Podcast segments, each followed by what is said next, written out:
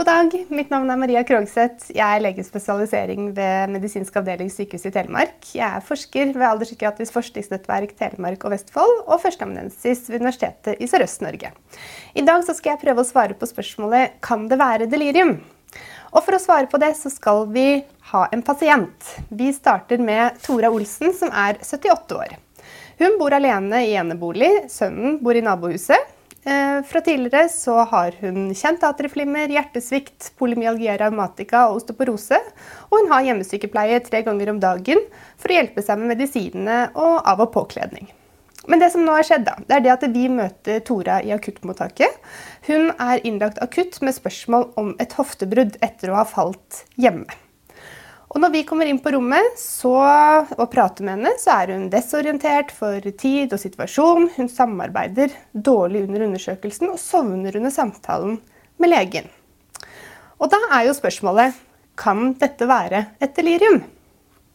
Hvis vi slår opp i læreboka, så ser vi der at et delirium det er en akutt kognitiv svikt. Og For å dvele litt med det første akutt det betyr at det oppstår innen minutter, timer, opptil noen få dager. Dette til forskjell f.eks. For fra demens, som jo er en gradvis progrederende tilstand. Og som vi vet i demenskriteriene, så må tilstanden ha vart i seks måneder eller mer for at det skal kunne stille diagnosen demens. Delirium derimot, det kommer som sagt akutt, over kort tid. Videre så har pasientene forstyrret oppmerksomhet og bevissthet. Og forstyrret oppmerksomhet, hva mener jeg egentlig med det? Jo, altså det å holde oppmerksomheten, det å ha en normal oppmerksomhet, det handler om at du klarer å konsentrere deg. Det handler om at du klarer å holde fokus på en oppgave. Og dette med endret bevissthet, det går jo på om du er helt våken, om du er klar til stede i rommet, om du klarer å samarbeide adekvat og få med deg det som skjer rundt deg.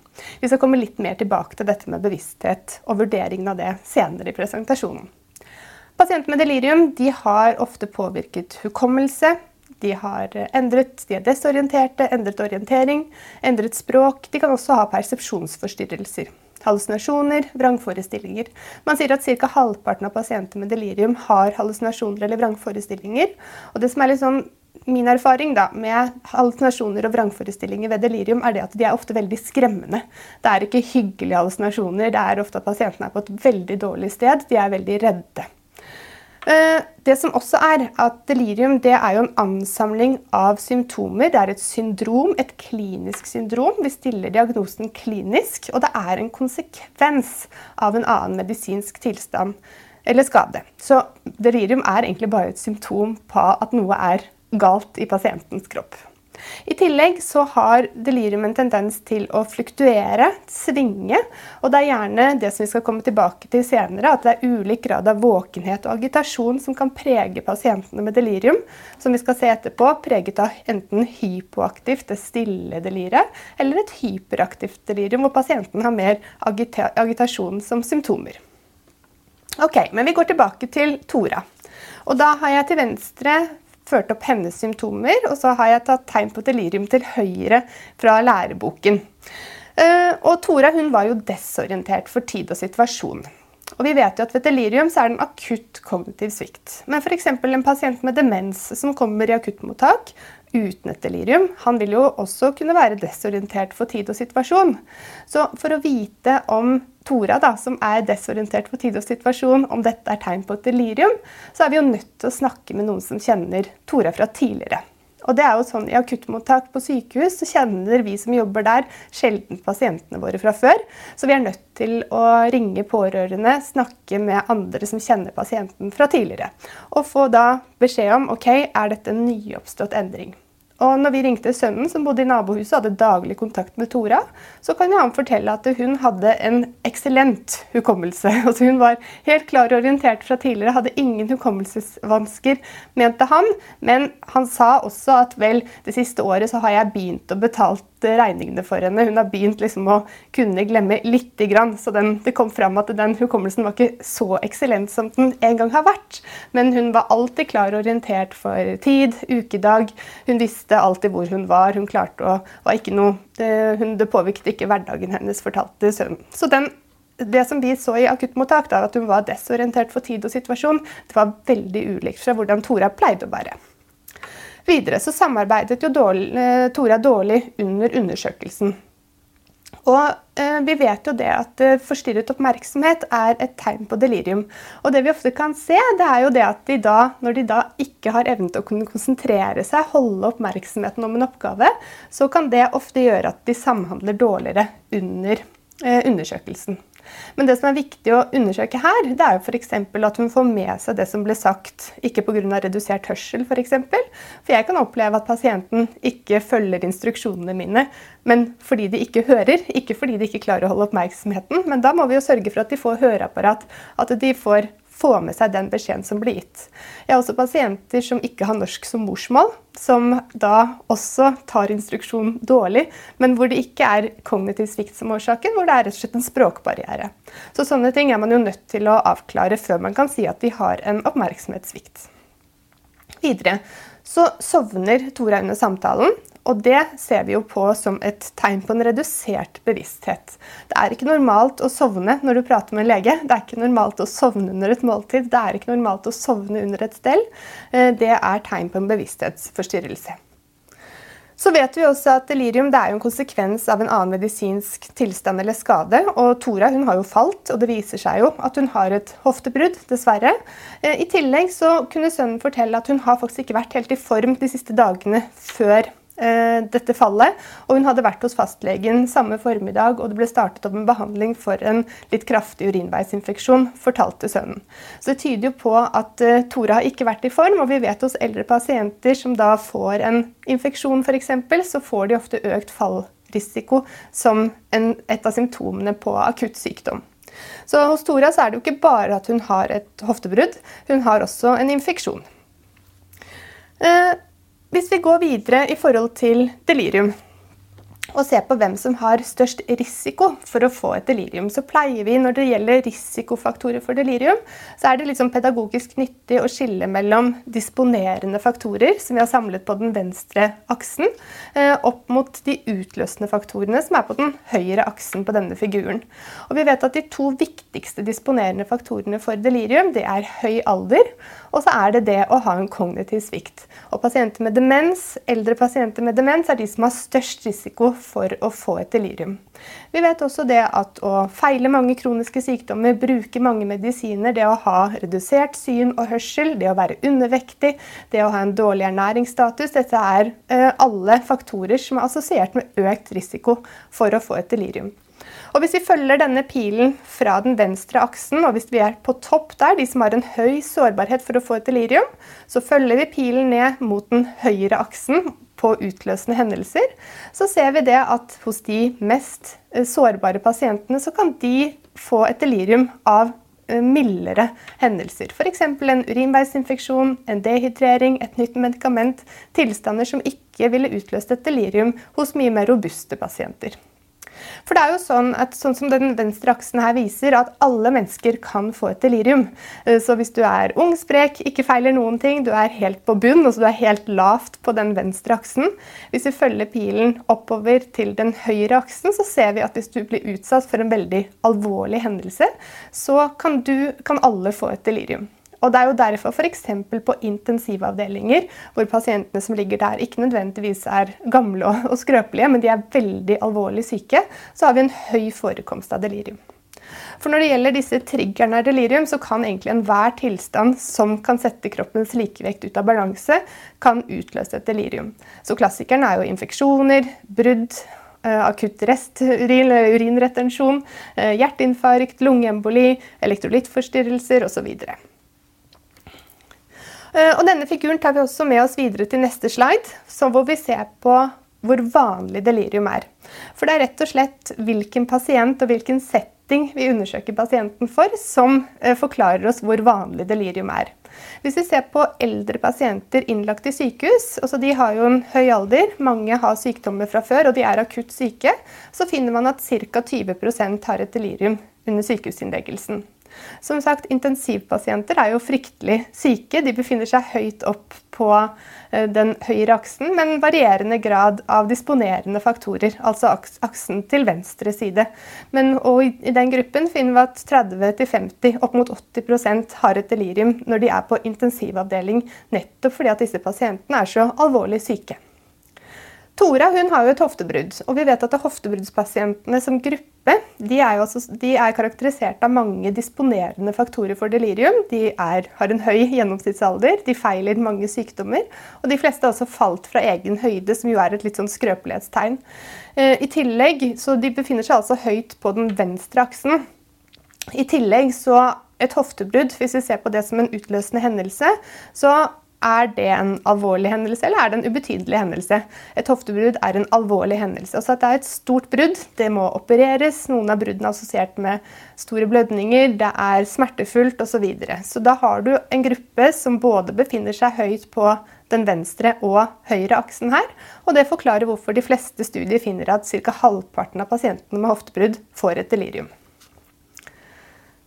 Men din pasient, da. Hvis du jobber på sykehjem, i hjemmesykepleien, på sykehus, og du lurer på kan min pasient ha delirium, hva gjør du da?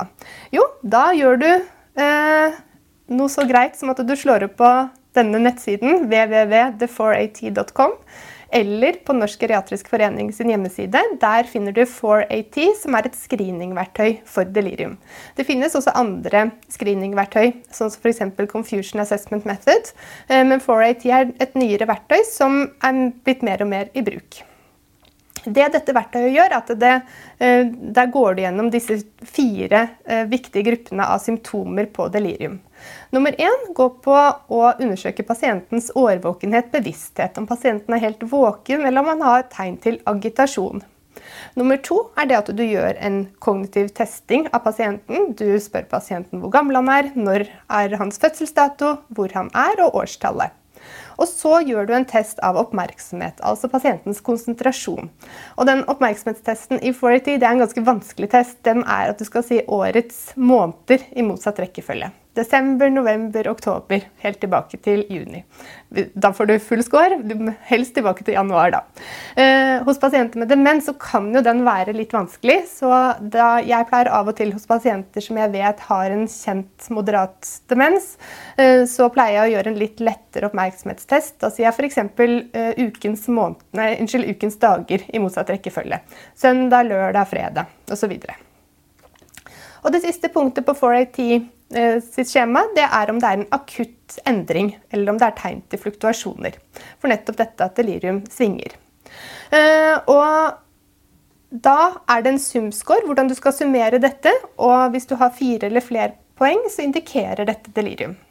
Jeg tenker ikke at man skal gå rundt og huske dette skjemaet. Jeg tenker at Man skal ha det i lomma, man skal ta det fram og bruke ordene der når man vurderer pasienten. For det å bare si pasienten er litt annerledes, han er litt forvirret, det sier ikke egentlig så mye hvis du journalfører det i pasientens journal f.eks. Det er mye bedre da at du sier at pasienten har en redusert bevissthetsforstyrrelse, så du bruker altså punkt 1. Han har en redusert bevissthet. Han er desorientert for sted og årstall. Han har en oppmerksomhetssvikt, og jeg snakker med pårørende, og de forteller at denne endringen har oppstått akutt. Da skriver du tre-fire linjer i journalen, og du har gjort en perfekt deliriumsvurdering, som er mye lettere for å kunne eh, bruke videre.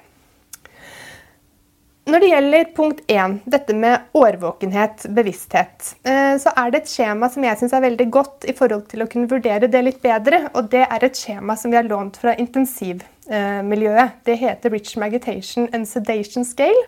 Eh, og det som jeg syns er godt med dette verktøyet, er at det viser nettopp disse pasientene med et hypoaktivt delirium, som altså har en negativ score, eller pasientene med et hyperaktivt delirium, de som har en positiv score. Så når du har en normal bevissthet, så er du våken og rolig. Da har du en RAS-score, en Richard Agitation and Sedation Scale-score, på null. Men som dere ser, de som har en negativ score, de er ikke helt våkne. Vi ser det ofte på blikkontakt, de holder ikke øynene våkne, de sovner osv. Men det som jeg synes er det beste kanskje med dette skjemaet, det er de som har en positiv score. For det er veldig fort gjort at vi tenker at pasienter med et hyperaktivt delirium, de som har et agitert delirium, at de, en, at de, er aggressive, at de slår, at de er veldig krevende pasienter, at de har en RAS-score på pluss fire. Men de fleste pasientene med et hyperaktivt delirium som jeg, bruker, som jeg møter, eh, de har ikke RAS på pluss fire. De er mer sånn på pluss én, pluss to. Altså de ligger og fikler med klærne, de kan tvinne med ringesnoren. De har motorisk uro, småplukkede, formålsløs plukking, eh, som ikke nødvendigvis er aggressiv. Men husk at det er et hyperaktivt delirium når du ser det. Delirium hos pasienter med demens det er vanskelig kan det være. Det er jo pasientgruppen, altså pasienter med kognitiv svikt med demens. Det er jo de som har størst risiko for å få et delirium hvis det skjer noe akutt. Eh, men det er god kjennskap til pasientenes vanlige funksjonsnivå, vanlig kognitiv funksjon, som er nøkkelen. Eh, og min tommelfingerregel sånn kort når det gjelder denne pasientgruppen, er at all endring tenk delirium. For da må du lete etter hva er det pasienten prøver å fortelle meg. Tenk at pasientens endring det er at han prøver å kommunisere til deg at noe ikke stemmer. Kan han ha smerter? Er han obstipert? Er han dehydrert? Er det en infeksjon under oppseiling? Du må lete etter hva er det som plager pasienten. Så som sagt, Tommelfingerregelen er all akutt endring, eh, tenk delirium. Men disse skjemaene, både CAM og 4AT, kan også brukes hos pasienter med demens. Men det blir som sagt dette med akutt endring som blir nøkkelen når det gjelder å diagnostisere delirium i den gruppen. Når det gjelder delirium, så vet vi at dette kan både forebygges eh, og etter hvert også skal vi se på behandling. Eh, jeg har satt opp disse to på samme slide.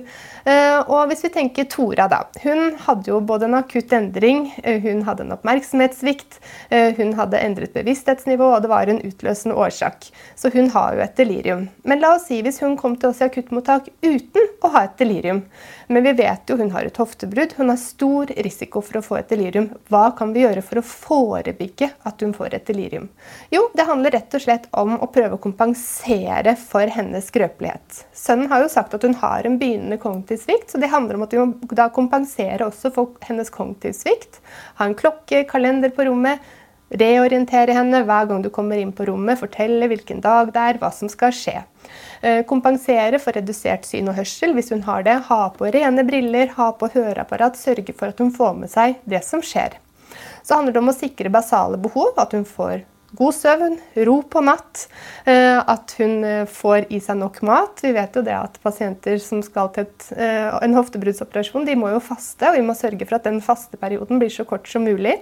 At hun får i seg nok væske, at hun ikke blir obstipert, at ikke hun får et tømningsproblem. Så overvåke avføring og eliminasjon. Og også sørge for at hun blir mobilisert så godt hun kan. Altså, stimuli for hjernen er veldig mye bedre hvis du sitter opp i en stol, ser verden rundt deg, enn hvis du ligger i en seng og bare ser opp i et tak. Og så handler det også om at vi må lindre pasientens plager. Sørge for at hun er adekvat smertelindret, eh, behandle eventuelt kvalme osv. Så, videre. så det handler rett og slett om å prøve å optimalisere forholdene i Toras kropp så godt vi kan. Eh, nå var det jo sånn at Hun hadde jo et delirium. Så det betyr ikke at vi ikke skal gjøre disse forebyggende ikke-farmakologiske tiltakene som er bevist eh, å kunne redusere risikoen for delirium, men vi tar de med oss videre inn også når vi håndterer det. Men det viktigste i å håndtere et delirium, det er å behandle den utløsende årsaken til deliriet. Så I Toras tilfelle så var det at hun hadde jo både en eh, infeksjon mest sannsynlig utgått fra urinveier.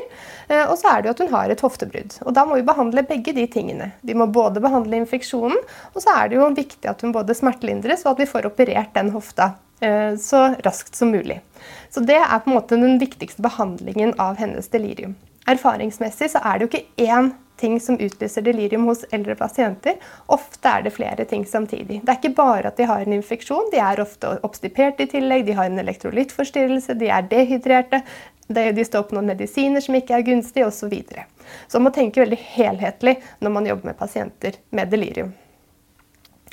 I forhold til behandling av delirium så er det mange som fort tenker på symptomdempende behandling, være seg antipsykotika, benzodiazepiner. Benzodiazepiner er ikke vist å være noe lurt eh, når det kommer til å dempe symptomer ved delirium. Eh, det som Dokumentasjonen er veldig beskjeden, men der hvor dokumentasjonen er best, så er det å bruke antipsykotika som symptomdempende behandling ved delirium. Og haloperidol er vel det som er eh, kanskje best dokumentert, selv om dokumentasjonen også der er beskjeden. Men det som er viktig, det er det at dette er kun symptomdempende behandling for delirium.